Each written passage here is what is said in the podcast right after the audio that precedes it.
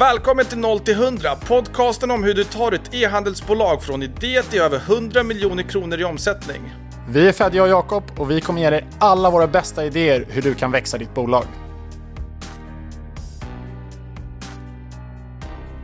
Då är vi tillbaka med ett nytt avsnitt av 0 till 100 och idag ska vi prata om vad vi tror kommer hända under 2024. Och vi har strategiskt nog väntat några dagar in på 2024 så att vi liksom har en datatrend som vi kan dra på när vi gör de här eh, trendspaningarna inför året. Uh, är du spänd på dagens diskussion Fedja? Det är alltid kul. Jag var med i en podd för något år sedan och trendspanade om 2023. Och sen så spelades det avsnittet upp i slutet av 2023. Och jag vet att vi i panelen hade gett någonstans 128 predictions. Hur många av de här föll in? Alltså vad, vad blev sant och inte? Och det visade sig att det var typ 50-50. ja, men det är väl helt okej okay, i alla fall. Helt okej, okay. jag vet inte hur man räknar. Man, räknar man 50-50 så är det liksom 50% som inte var föll i. Så att eh, ja, kan, eh, kan vi slå det nu Jakob? Vad tror du? Ja, men jag vet inte, jag tror att det beror lite på hur, hur eh, specifik man vågar vara också i sina eh, trendspaningar. Det är klart att är man mer vag och man tittar på mönster och sådär, då kommer man kunna vara ganska rätt på det. Men om man garanterar att en viss feature ska lanseras hos en viss, eh, viss leverantör, då, då är det såklart lite svårare att vara helt rätt. Ja, men jag håller med. Det är, eh, vi får se hur specifika vi är. Vi har inte 128 trendspaningar i alla fall att leverera. Kanske 20 i sin höjd. Exakt. Uh, men jag tänker att uh, vi drar igång. Jag tänker att det, första temat som jag tror många tänker på, det är någonstans att 2023 har varit ett väldigt tufft e-handelsår. Mm. Uh, du nämnde ju i förra avsnittet att november backade 15% för e-handeln i stort. Och det kan man väl kanske tro i alla fall beror på att det var väldigt tunga rabatter under väldigt lång tid i november. För jag såg att antalet köp var ungefär samma med förra året. Men med andra ord då ja. har varje person eh, gjort av med mindre pengar. Och det är klart mm. att ja, det kan man väl i alla fall ana skulle kunna bero på de väldigt långa eh, perioderna av rabatter. Mm. Eh, men även när man tittar på hela e-handelsåret så var det ju så att januari till november, som är så långt av som datan har släppts, eh, back ungefär 7% mot året innan. Och det här föranleder ju förstås att fundera på, är, kommer vi gå in i ett till år där vi backar gentemot 2023? Eller tror du att vi faktiskt kommer vända nu och börja öka igen? Nej, men om vi kollar på hur makroekonomin ser ut i sin helhet så har ju någonstans ränteökningarna i alla fall bromsat in. Ja. Det har hoppats över en eller två gånger. Fed har pratat om att man ska börja räntesänkningar någon gång i maj. Vilket förvisso är längre fram än vad vi först trodde att det skulle komma i mars. Men eh, förvisso så är det ändå en räntesänkning på ingång. Och bara ordet räntesänkning och att trenden vänder neråt kommer ju få folk att vara mer optimistiska, opportunistiska och man kanske vågar investera igen. Så att eh, nej, jag tror verkligen att eh, vi kommer slå 2023 års siffror ur ett konsumtionsperspektiv och speciellt inom e-handeln. Eh, såvida inte något stort makrofenomen inträffar eller något helt oväntat händer nu att eh, ja, men Kina och Ryssland gör någonting helt galet för att eh, Kina har ju sagt att de har byggt bättre relation med Ryssland under 2023. Så man vet inte vad som är i görningen där men räknar vi inte med det eller att vi inte går in i ett krig så som ÖB sa förbereder på krig nu så tror jag absolut att trenden vänder. Hur tänker du? Jo, men jag tänker nog likadant. Jag tror att eh, just nu känns det som att människor är i litet wait and see-läge med sin privatekonomi. Som du säger, räntehöjningarna har i alla fall stannat av. Och just nu om man får gissa så kanske faktiskt kommer räntesänkningar under andra halvåret av 2024. Det tror jag generellt sett människor kommer se eh, väldigt positivt på. Eh, det finns väl säkert viss risk att arbetslösheten fortsätter uppåt, åtminstone under, under första halvan av nästa år. Men jag tror också, precis som du, att e-handeln måste någonstans börja leta sig uppåt igen. Och framförallt, vi har ju pratat tidigare om, om till exempel möbel som kategori och att den hade minskat. Nu, vet, nu har jag inte kollat upp exakt de senaste siffrorna från november, men fram till september tror jag vi pratade om då så hade den minskat med i storleksordningen 50 procent. Och det bara känns som att då får man ett ganska lågt jämförelsetal 2023 mm. som man därför nästan måste kunna se en liten rekyl på under 2024 och därför slå de låga jämförelsetalen. Mm. Så att eh, är man inom möbelbranschen eller inom sällanköpsvaror så tror jag att man har i alla fall en god andra halva av 2024 som kommer vara väldigt stark. Vi kommer fortsatt se en försiktig svensk som kanske inte vågar investera de närmaste månaderna. Men sen kommer det nog bli en ökad rörlighet på både bostadsmarknaden och då vill man kanske investera i nya möbler eller ny uteplats. Så att eh, det kommer ske saker under 2024 som, eh, som har varit på broms eller eh, på sparlåga under hela 2023. Exakt. Vi kan väl summera det så. Kommer det bli fler konkurser tror du?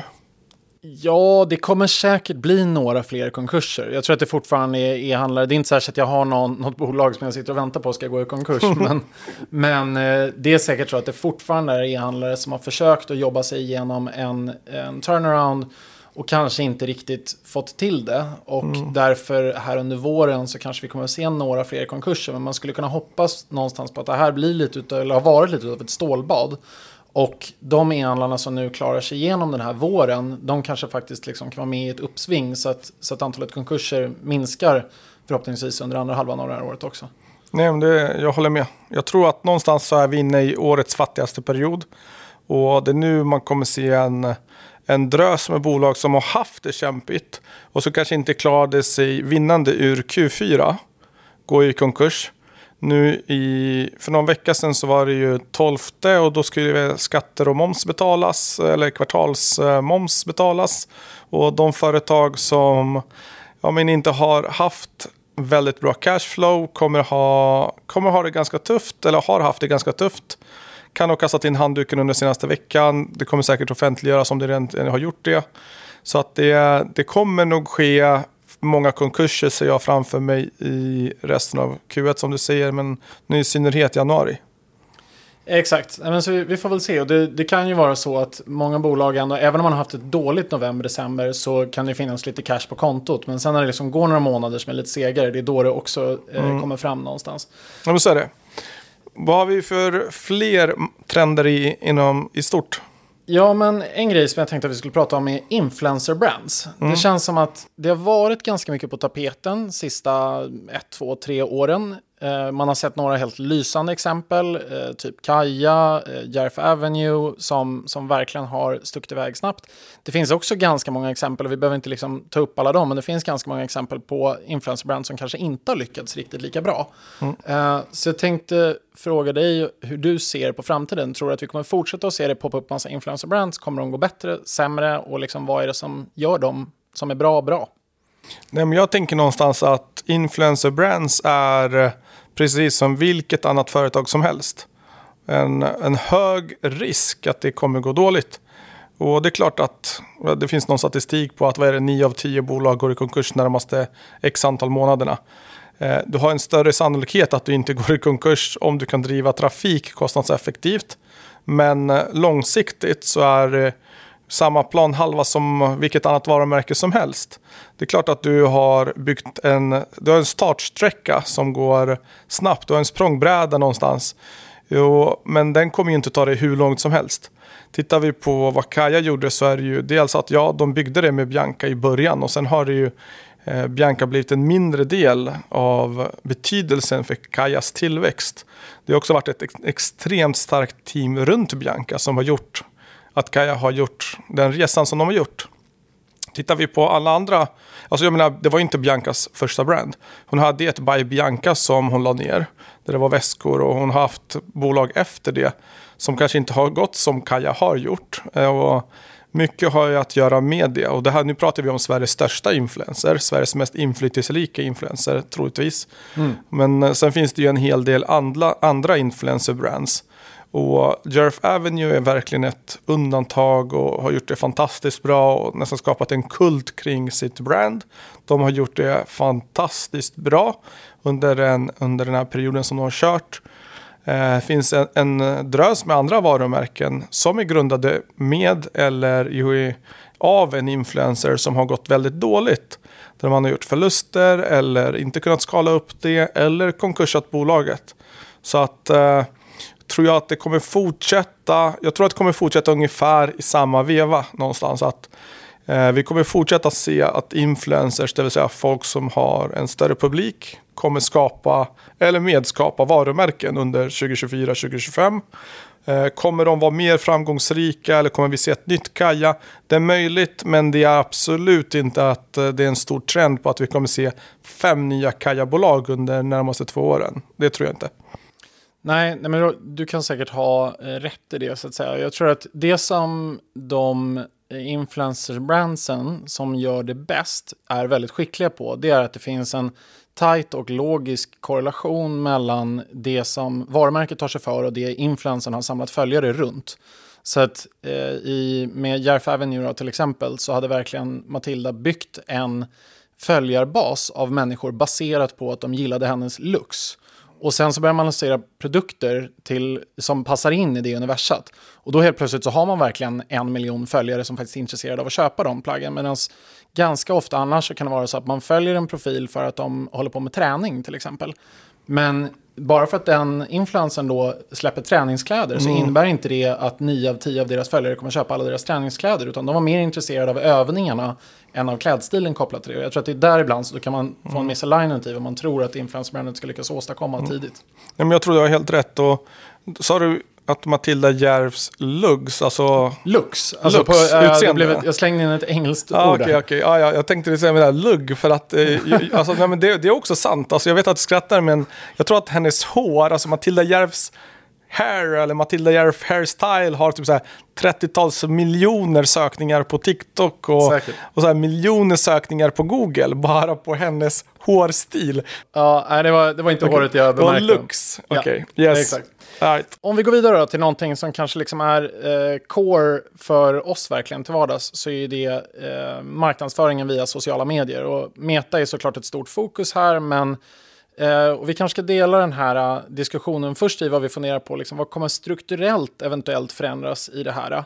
Uh, och sen så skulle vi kunna gå in och prata vad vi tror om hur creatives kommer att utvecklas under 2024 mm. uh, relativt 2022 och 2023.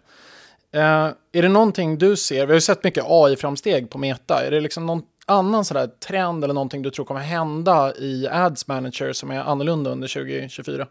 Nej, men det vi såg under 20, någonstans 2021 från iOS-uppdateringen till 2022 var att Meta tappade både i styrka och de tappade en del annonsörer. Det har ju fortsatt under 2023. De har dels blivit bättre tycker jag, i och med att priserna har gått ner för första gången i världshistorien på Meta. Så har du fått tillbaka en del av effekten, för då blir det mer prisvärt att annonsera på Meta. Så 2023 skulle jag summera som ett bra Meta-år. Bra år för Meta, annonsörer. Mm. Sen vet jag inte hur det har varit för Meta själv, men det har, om man kollar på börskursen sett så har det gått bra för Meta också. Eh, tittar vi då på vad vi tänker 2024 så tror jag inte det kommer komma ut en ny AI-revolution som kommer göra det mycket lättare att annonsera. Utan det har vi sett någonstans slutet av 2022, lanseringen av ASC-kampanjerna. Det är nog en förbättring av ASC under hela året. I och med att ASC och eh, Metas AI får mer data så kommer den såklart tränas upp och bli starkare och bättre. Mer pricksäker och Eh, det sagt så kommer ju Google, om vi bara kollar vad som händer på Google med eh, att de tar bort eh, cookie tracking och det blir svårare att spåra så tror jag att Metas betydelse i det kommer öka.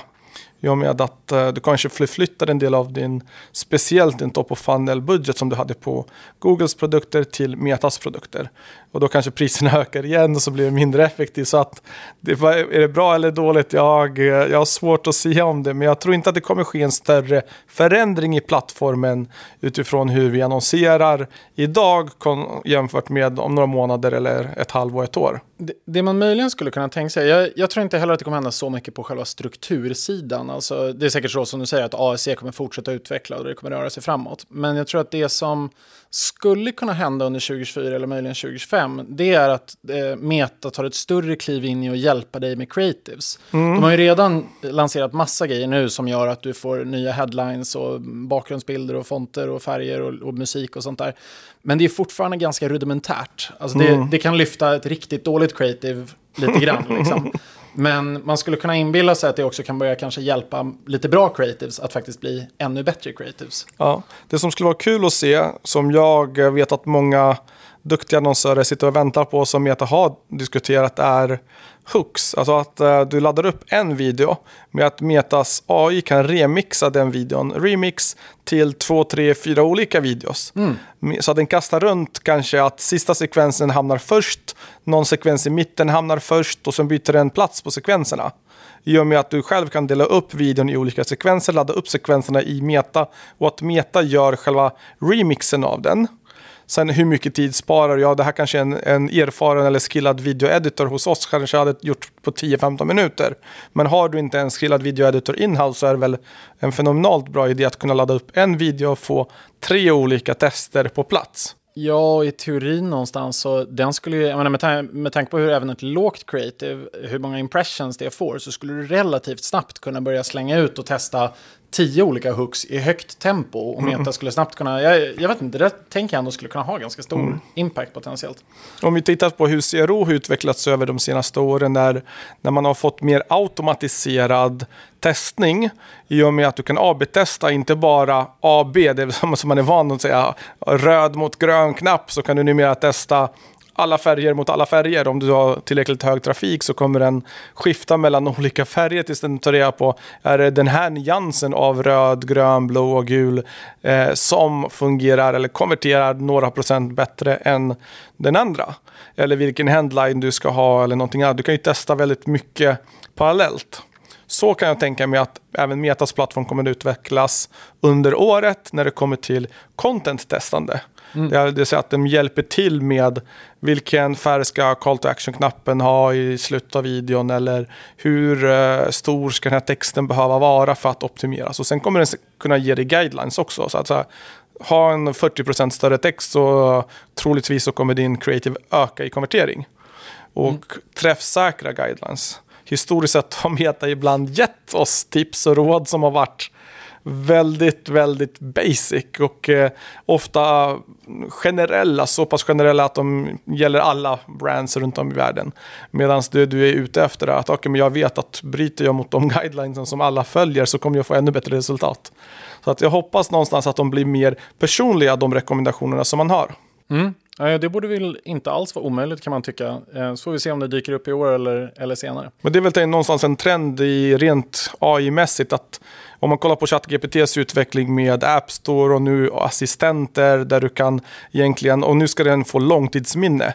Och allt det är ju för att du ska slippa reprompta exakt samma långa prompt som du har gjort 1500 gånger under året. Så ska den börja lära sig och memorera det som du har skrivit in tidigare. Så att det, något att förvänta sig att Meta kommer gå åt det hållet är inte allt för långt. Just med tanke på att Meta sitter också på en av de starkaste AI-motorerna i världen som de kallar för Lama eller Lama.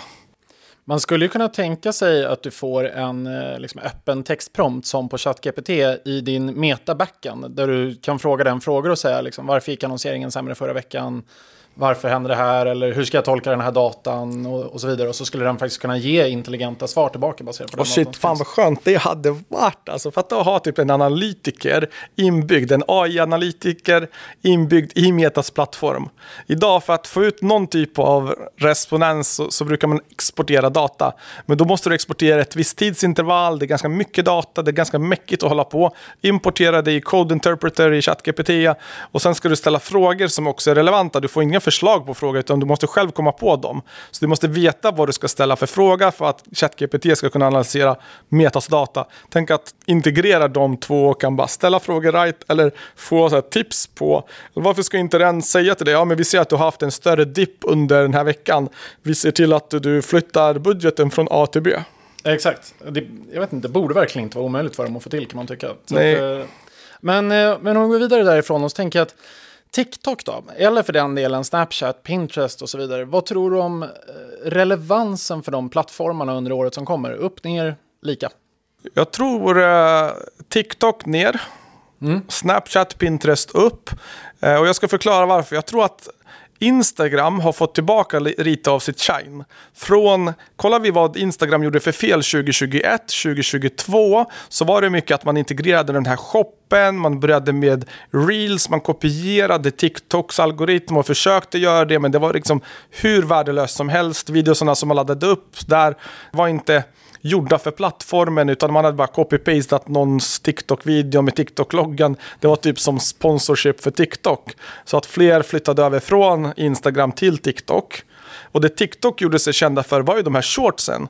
Var det inte 15 sekunder i början eller 30 sekunder, sen var det en minut videos och sen släppte de upp fem minuter. Sen var det, så man släppt upp de här äh, spärrarna. Nu har TikTok gått ut och sagt att ah, vi ska upp till eh, en timmes långa videosar. Vi ska ha long form content. Och monetization för kreatörerna, den blir allra högst efter typ fyra minuter. Så gör du en video som är 3 minuter och 30 sekunder så får du väldigt lite betalt per view.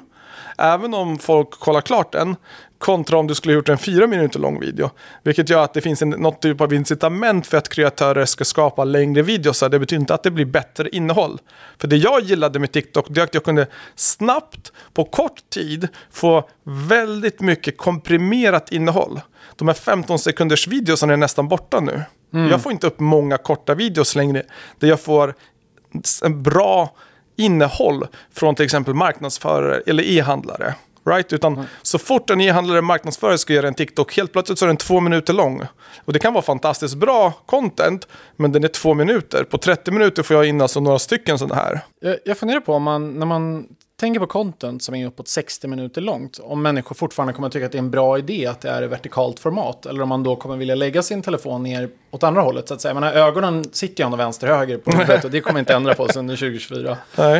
Uh, men, men, uh, så vi får väl se liksom hur, hur det spelar ut sig. Jag tycker det är lite intressant. Jag satt häromdagen och, och redigerade bilder uh, och då var det någon som sa just att så här, ah, men ska du inte lägga den här i landskapsformat? Min reaktion var så här, men var ska jag presentera en bild i landskapsformat? För att mm. det enda gången det händer nu, det är hero-bilder möjligen på hemsidan. Men sen så på nästan alla andra platser ska de ha square eller vertical för att det ska passa YouTube. In.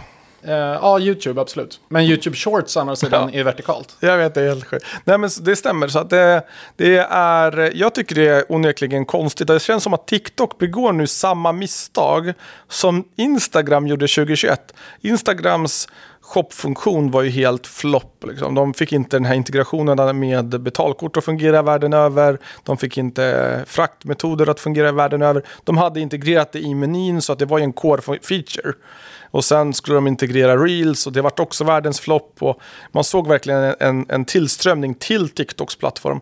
TikTok växer fortfarande såklart, men TikTok har stannat av. Den har inte den här rapid expansion som den hade under den perioden. I och med att Instagram har kommit ikapp, YouTube Shorts har kommit ikapp. Det som vi har sett under de senaste två åren är att fler, speciellt Gen Zs, söker på TikTok efter mm. nya saker. Söker du efter ett recept, du söker efter en restaurang, du söker efter ett hemmafix, du söker efter en DIY, du söker efter en viss produkt för att få se hur andra har recenserat den produkten. Och det sökbeteendet har någonstans flyttat från Google in till TikTok om du vill ha snabb information snabbt.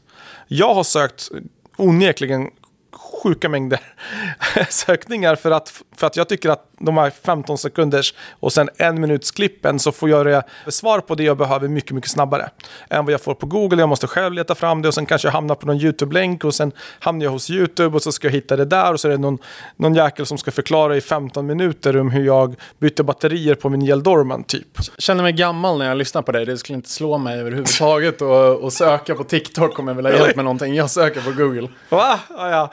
Nej men det har exploderat i popularitet eftersom du får ju snabbare svar än vad du får på Google och du får innehållet i, mer visuellt, mer gör så här steg 1, steg 2, steg 3 på 15 sekunder. Medan på Google så ska du söka det och så ska du klicka det vidare. Ja, men jag, jag, jag tror att med tanke på det sökbeteendet och att TikTok har sett det i sin data så tänker de säkert att okay, men vi måste tillåta en timmes långa contents för att folk söker ju uppenbarligen efter det här och de vill ju ha den här typen av innehåll. Vi ska konkurrera mot YouTube. Och det är väl en bra idé. Datan säger ju det. Men betyder inte att det är därför man kommer till plattformen. Så jag tycker de tappar någonstans sin kår Och så fort man som brand eller som plattform eller som tjänst går ifrån sin core så är man ute på hal is. Mm. Jag har sett det här med så många varumärken också. Så att sitter man med något brand som kanske har exploderat för, som ett influencer-brand har omsatt 30 miljoner på något år eller några år och sen helt plötsligt ska man switcha och bli high fashion. Man har ju attraherat unga kvinnor till exempel med relativt billiga klänningar och sen ska man upp ett prissegment och säga att nu är vi affordable fashion. Vi ska göra lite Gucci-liknande poser och bilder och vi ska anlita svindyra fotografer.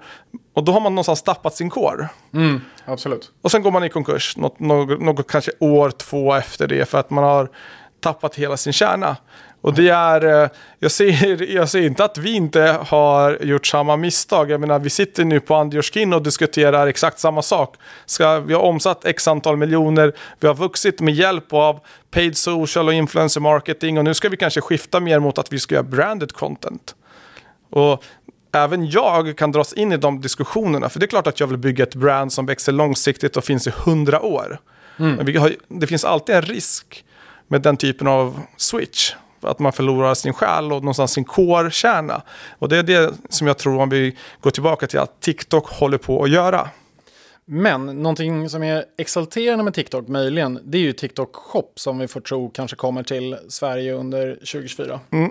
Och jag har hyllat TikTok Shop för att det har fungerat och jag har sett att det fungerar. Jag tycker verkligen den interaktionen har varit intressant. Men jag håller på och byter fot lite i och med att, jag vet inte, kommer man sitta där och eh, shoppa på TikTok eller kommer man gå in på Google eller Amazon och söka sig fram till det man vill köpa? Det kanske blir att det har varit en hype i och med att TikTok har subventionerat shoppen. Mm. Right, så att du som kund har fått fri frakt. Men TikTok kommer inte alltid kunna erbjuda fri frakt och betala företaget för fraktavgiften. TikTok kommer inte heller alltid kunna ge rabatt på produkten bara för att du råkar sälja den via deras plattform. För det har de ju gjort när de har lanserat TikTok Shops i USA. Så att hur länge kommer de hålla ut med det här? När de väl har lanserat det här i Sverige och, och i resten av världen kommer det fortfarande vara subventionerat av TikTok. För TikTok går ju back. Vi kan tänka oss hundratals eh, kronor per order. Eller ja. i alla fall 100 spänn per order. Hur, hur många ordrar läggs då i shoppen? Hur mycket går de back? Nej, men jag, jag tycker att det börjat, eh, man hör, börjar höra några förståsigpåare i USA nu som säger att det är väldigt mycket skräp som säljs på TikTok mm. Vilket också möjligen är en sån här liksom, dålig leading indicator för att eh, värdet av den delen av plattformen redan börjar gå ner trots att den ganska nyligen lanserades. Mm. Och det andra som på något sätt är mer så strukturellt utmanande med att eh, tro på TikTok-hopp långsiktigt, det är ju att Instagram Shop har inte fått att fungera. Men mm. Instagram och Facebook som plattformar har man ju ändå eh, varit väldigt framgångsrik med att kunna driva mm. eh, konverterande trafik till en sajt. TikTok har ju fortfarande haft lite utmaningar med det. Det har varit mer top of funnel, discovery typ. Och då bara funderar jag på, är det verkligen möjligt att liksom den här plattformen som har varit ganska svag på att driva konverteringsdrivande trafik tidigare, nu ska vara där man fångar upp köpen?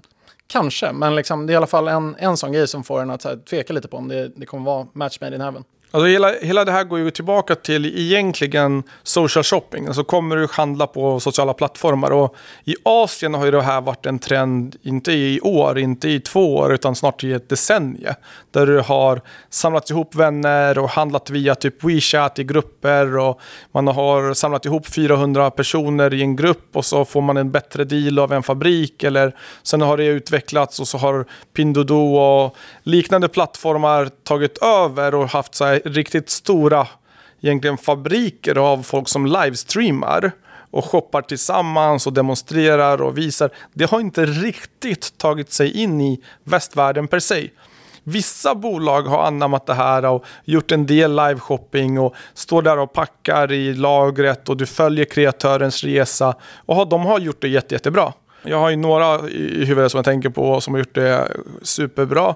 Och som jag har följt under så ett, ett par eh, decennier, nej men ett par år nu och de har gått eh, kul, alltså det är kul att de har gått bra, right? Men det har inte fungerat för väldigt många varumärken och många varumärken har inte anammat det här.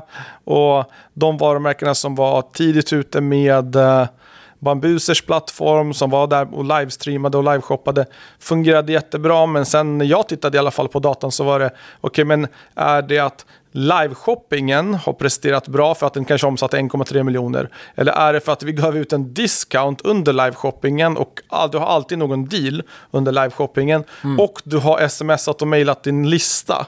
För att komma till liveshoppingen, är det det som drev försäljningen under liveshoppingen eller är det själva formatet liveshopping som drev försäljningen? Och när jag har dissekerat det så kunde jag lika gärna ha skickat ut 20% discount i mitt mail och fått ungefär de 1,3 miljonerna i försäljning och sagt att ja, mejlet drog in 1,3 miljoner. Nu skickade vi mejlet, drev folk till en liveshoppingplattform där de fick stå ut i 30 minuter för att få, för att få discountkoden. för att få discountkoden. Ja. Är, det, är det ett positivt utbyte? Och det, det har jag någonstans sett en, en avvikande trend på under 2023 där varumärken har gjort mindre sådana grejer. Mm. Vi ändå inne på det här med creatives, då kanske vi, eller liksom format, visserligen i det här fallet, tar för hur man ska sälja, men, men creatives kommer någonstans in i det också. Hur vill människor ta till sig information för att bestämma sig för att göra ett köp? Och vad tror vi på den kreativa sidan kommer vara framgångsfaktorerna under 2024? Uh, eh, jag tror att UGC är dött. Jag gjorde något uh, LinkedIn-inlägg om det här för några månader sedan. Väldigt uh, kontroversiellt ståndpunkt i och med att det kommer fler och fler kreatörer och fler och fler brands anammar precis den här strategin under förra året. Men förra året så, i och med att typ varannan annons som du ser numera är UGC, eller om du går in på TikTok så är det nästan 100% av alla annonser UGC-annonser. Det vill säga att det, det ska kännas som att det är en användare av produkten som har skapat annonsen. Men eh, oftast är det ju företaget själva som har anlitat en kreatör som har skapat annonsen. Eller anlitat en influencer som nästan är sämre än kreatörerna på att skapa annonsen. Så först var det ju det, det var ju whitelistning på Instagram. Så att man såg att okej, okay, men om influencers kan pusha dina produkter med sin eh, målgrupp och sen ja, din målgrupp så kommer det funka bättre. Och sen vart det och UGC-kreatörers explosion. Men nu när alla har gjort det och bokstavligen när någonting blir mainstream så blir folk van vid den typen av innehåll och då kommer folk inte längre reagera på samma sätt utan det blir saturerat. Och nu har vi kommit till den punkten där människor är trött på dåligt producerade videosar. Så att det vi har sett i USA, om man kollar på typ True Classic, vad de har gjort eller vad typ Dude Vibes har gjort för typ av annonsering så har det gått mer åt det professionella hållet. Det vill säga du har fort, fortfarande underhållande, inspirerande eller utbildande innehåll som vi hade en gång i tiden. Professionellt men det ska vara någonting där som är värt att följa. Så att det blir nästan som en serie av innehåll eller att det blir eh, spottar av innehåll som är mer professionellt filmade. För nu börjar det sticka ut i flödet. Och nu pratar jag inte om att man ska ha en stor fet logotyp och att det ska kännas annonsmässigt eller att man ska göra tv-reklam i sociala medier. Utan bara lite, lite bättre. Man mm. kan fortfarande filma med telefonen men här, höj ljudkvaliteten lite genom att köpa en mygga som du spelar in. Sätt på cin Cinematic Mode på iPhonen så ser det direkt lite proffsigare ut. Ja. Och, nej, men jag, jag tror att det här skulle kunna absolut vara en trend. Och man, i, det finns ju några sådana här tv-reklamer som har eh, gått under våran uppväxt. Man tänker på ICA-reklamerna, Ipren, eh, det finns säkert andra goda exempel. Och några av de där serierna har ju satt sig så djupt i kroppen. Och då var det nästan så här att man kunde prata i skolan eller på den tiden om att, att ja, men har du sett senaste liksom av den där reklamen? Mm. Och tänk om man skulle kunna uppnå den punkten med ett digitalt varumärke idag på ja. Meta. Att människor går runt och pratar om och frågar om man sett den senaste reklamen från det varumärket. Det hade varit en häftig punkt att komma till. Det är någonstans piken om man skulle kunna nå det. Men då, där måste man ju verkligen vara mainstream också som brand. Så mm. du kan inte sälja en nischprodukt och få folk att snacka om det. Men det är klart, skulle ett fashion brand idag, eller ett lite större brand, göra den typen av annonser så tror jag att det skulle bli en snackis. Så då har, du ett legacy brand som har funnits i hundra år så jag tror att du har enklare att kliva in dit och få folk att prata om dig för att du gör någonting lite annorlunda, lite, lite häftigt. När vi fick chansen att jobba med ICA, jag tror efter ett och ett halvt år sedan nu, så gjorde vi en lite edgy annonsering och vi såg direkt i kommentarerna hur folk hejade på.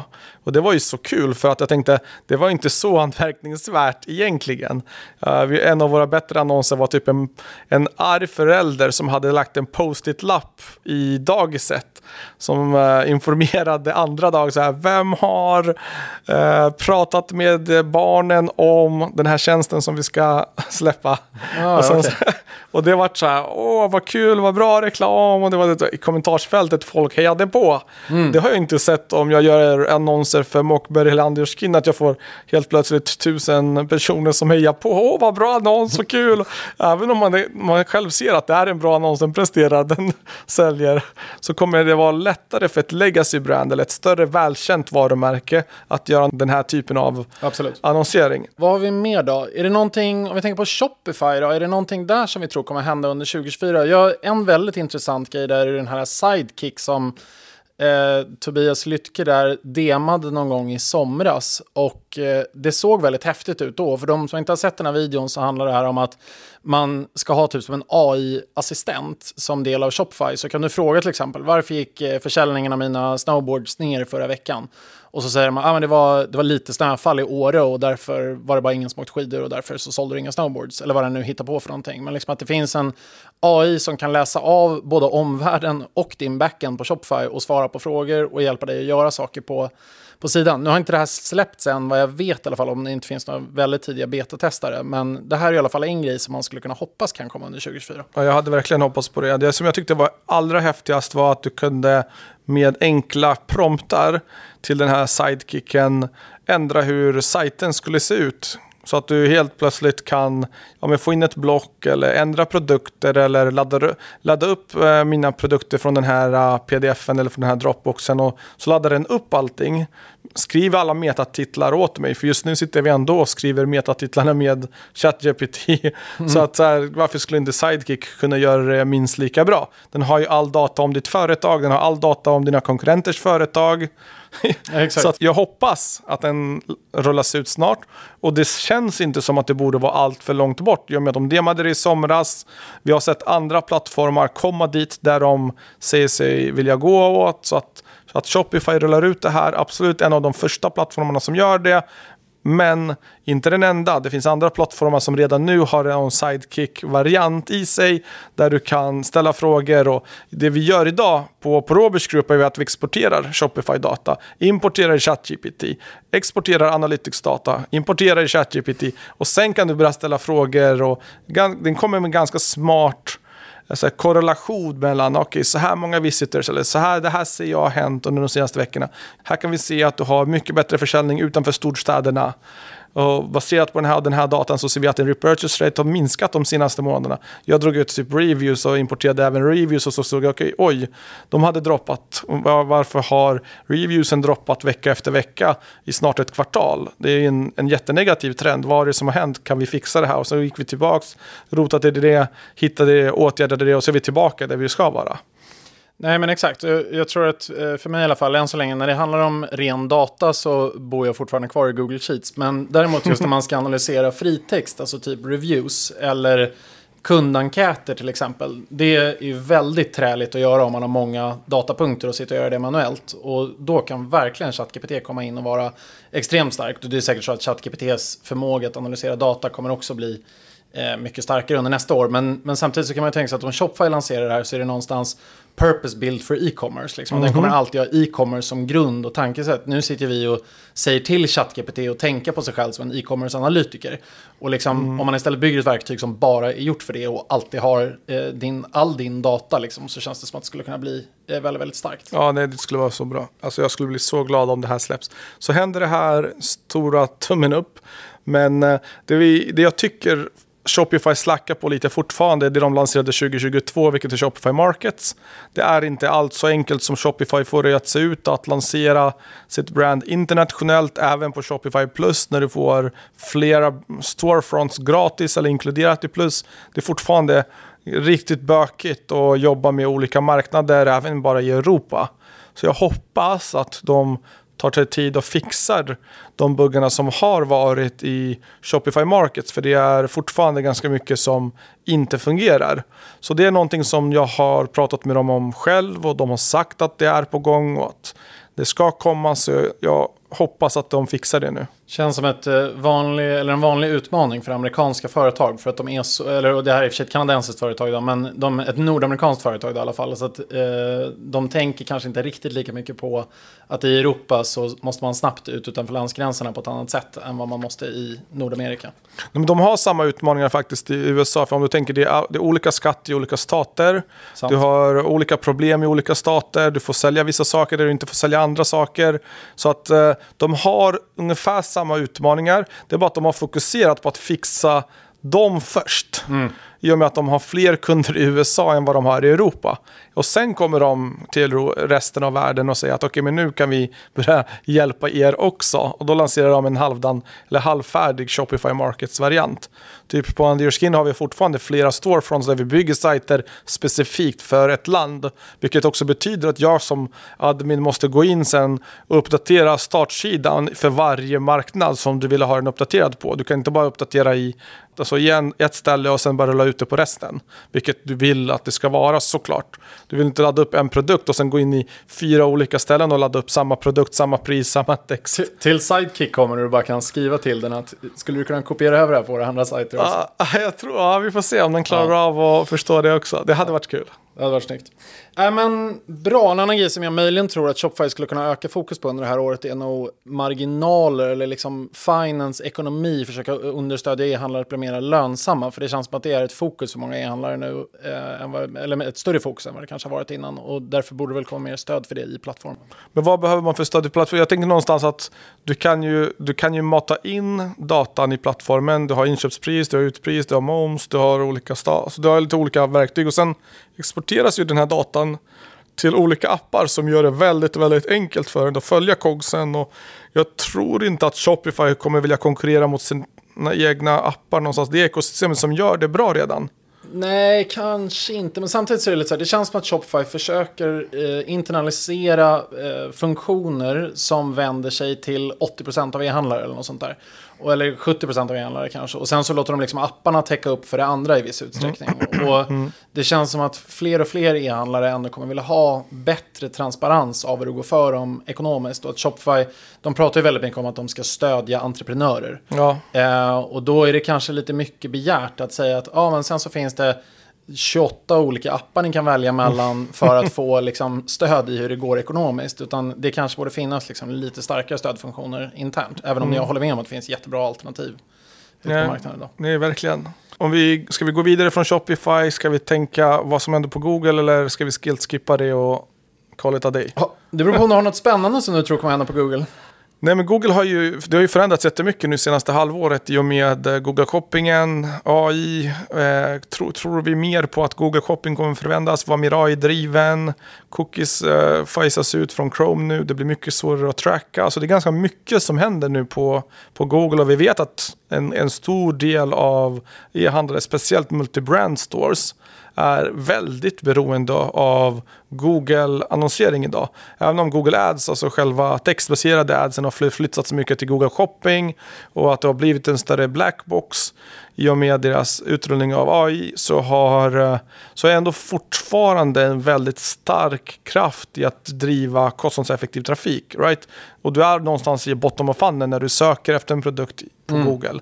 Jag tror inte att sökbeteendet kommer att förändras radikalt under 2024 eller 2025. Så Google kommer fortsatt ha en dominant ställning på marknaden. Det, det kommer den ju ha. Även om många Gen Z söker på TikTok, som vi precis snackade om, så kommer fortfarande en stor del sökningar ske på Google.